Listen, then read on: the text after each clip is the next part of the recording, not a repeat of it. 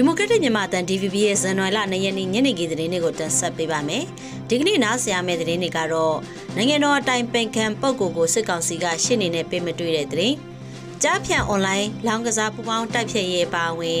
တရုတ်နိုင်ငံဆိုင်ရာမူဝါဒကို NUG ကထုတ်ပြန်လိုက်တဲ့သတင်းနဲ့လွတ်လပ်ရေးနေ့အတွက်ရန်ကုန်ပြည်လန်းပိတ်ထားလို့တက္ကစီသမားတွေအခက်အခဲကြုံနေရတဲ့သတင်းကိုနားဆင်ရမှာပါ။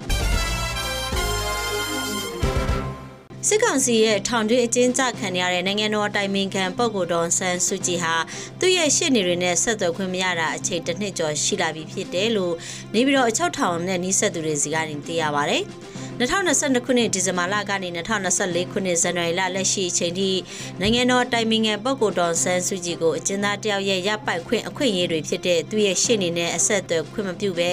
စစ်ကောင်စီကတားမြစ်ထားတာပါ။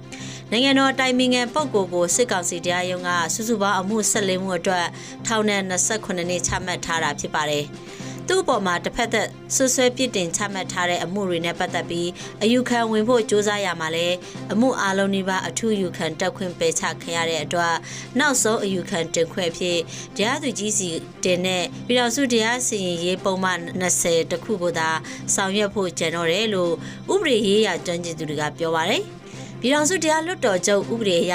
အထူးယူခံဝင်ခွင့်နှစ်ဆင့်ပယ်ချခံရရင်နောက်ထပ်တက်စရာအယူခံမရှိတော့ဘဲအယူခံဝင်လို့သူကမူလအတိုင်းအောက်ခြေတရားရုံးမှာချမှတ်ထားတဲ့အမိန့်ကိုလက်ခံရမယ့်အခြေအနေသာရှိတယ်လို့ဆိုပါတယ်ရှင်။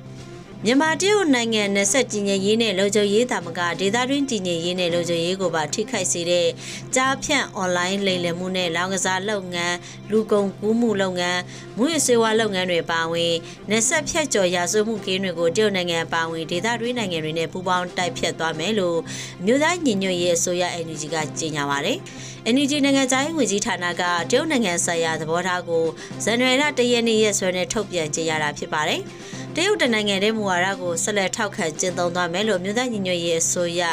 NUG နိုင်ငံသားရေးဝန်ကြီးဌာနကထုတ်ပြန်ပါတယ်။နိုင်ငံပြည်သူတွေရဲ့အကျိုးစီးပွားဖြစ်ထွန်းရင်းကိုမျှော်မှန်းပြီးတော့မြန်မာနိုင်ငံအတွင်းတရုတ်နဲ့စီးပွားရေးအရရင်းနှီးမြှုပ်နှံမှုတွေနဲ့တခြားလူမှုစီးပွားရေးလုပ်ငန်းတွေရဲ့လုံခြုံရေးကိုထိန်းသိမ်းကာကွယ်သွားမယ်လို့ NUG အစိုးရကသဘောထားထုတ်ပြန်ထားတာပါ။ 2021ခုနှစ်ဆရာနာသိမ်းမှုမတိုင်ခင်နိုင်ငံနယ်နိမိတ်သတ်မှတ်မှုစာချုပ်တွေအပါအဝင်နိုင်ငံခြားသဘောတူချုပ်ဆိုခဲ့တဲ့စာချုပ်တွေအားလုံးကိုမြန်မာနိုင်ငံကတာဝန်ဆက်ခံမယ်လို့လည်း NUG ထုတ်ပြန်ချက်မှာဖော်ပြထားပါတယ်ရှင်။မြန်မာရိုဟင်ဂျာလှေစီဒုက္ခသည်150လောက်တင်ဆောင်လာတဲ့လှေစီးဟာအင်ဒိုနီးရှားနိုင်ငံကိုပြီးခဲ့တဲ့သတင်းတွေတွေကထပ်မံပြီးတော့ရောက်ရှိလာတယ်လို့အင်ဒိုနီးရှားအစိုးရပိုင်အန်တာရာသတင်းအင်ဂျင်စီကဖော်ပြပါဗျ။ အင်ဒိုနီးရှားရဲတပ်ဖွဲ့ရဲ့အဆိုအရ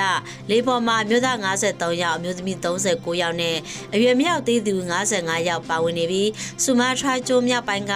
ကာရာကက်တင်ကျွော်မှာတောင်တင်နေတာကိုတွေ့ရှိခဲ့ရတယ်လို့ဆိုပါတယ်။နောက်ထပ်တခြားသင်္ဘောနှစင်းဟာလည်းအင်ဒိုနီးရှားကမ်းရိုးတန်းတစ်လျှောက်ရှိနေသေးတယ်လို့အင်ဒိုနီးရှားအာဏာပိုင်တွေကယုံကြည်နေကြပါတယ်။ ပြီးခဲ့တဲ့သတင်းပတ်တုန်းကပဲအင်ဒိုနီးရှားနိုင်ငံအာချေးပြည်နယ်ကမ်းရိုးတန်းစီဥတီချင်းကပ်လာတဲ့ရေဂျာဒုက္ခသည်လှေတစ်စီးကိုအင်ဒိုနီးရှားရေတပ်ကနေထုတ်လိုက်ပြီးတဲ့နောက်ဒါကအတုပ်လိုက်အသစ်ထပ်မံရောက်ရှိလာခဲ့တာဖြစ်ပါတယ်ရှင်။96နှစ်မြောက်လွတ်လပ်ရေးနေ့အခမ်းအနားကျင်းပဖို့ဇန်နဝါရီလ2ရက်နေ့ကနေ4ရက်နေ့အထိရန်ကုန်မြို့ပတ်လမ်းကိုယာယီပိတ်ထားတာကြောင့်အခက်အခဲတွေကြုံတွေ့နေရနိုင်တယ်လို့အငားတက္ကစီယာဉ်မောင်းတွေကပြောပါရယ်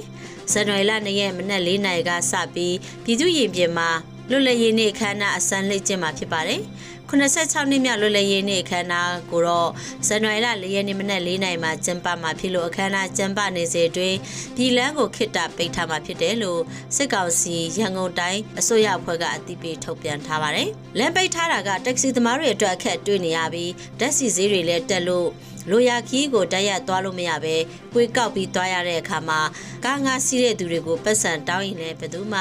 ငါကြတော့မှမဟုတ်ဘူးလို့တက္ကစီရင်မောက်တူကပြောပြပါရရှင်။ ကရင်ပြည်နယ်ကော့ကရိတ်မြို့အတွင်းပိတ်မိသူတွေနဲ့စစ်ရှောင်ပြည်သူတွေဟာတလကြော်ကြာမြင့်လာပြီးဖြစ်လို့နေထိုင်စတောက်ရေးမှာအခက်အခဲတွေနဲ့ရင်ဆိုင်နေရတယ်လို့စစ်ဘေးရှောင်အရေးကူညီပေးနေသူတွေကပြောပါတယ်။ဒီဇင်ဘာလ၁ရက်နေ့ကစပြီးကော့ကရိတ်မြို့တွင်းနဲ့မြို့ပြည်နီးတဝိုက်ကကြေးရွာတွေမှာစစ်ကောင်စီတပ်ဖွဲ့တွေကို KNL ပူးပေါင်းတပ်ဖွဲ့ကပိတ်ဆို့ထားတာပါ။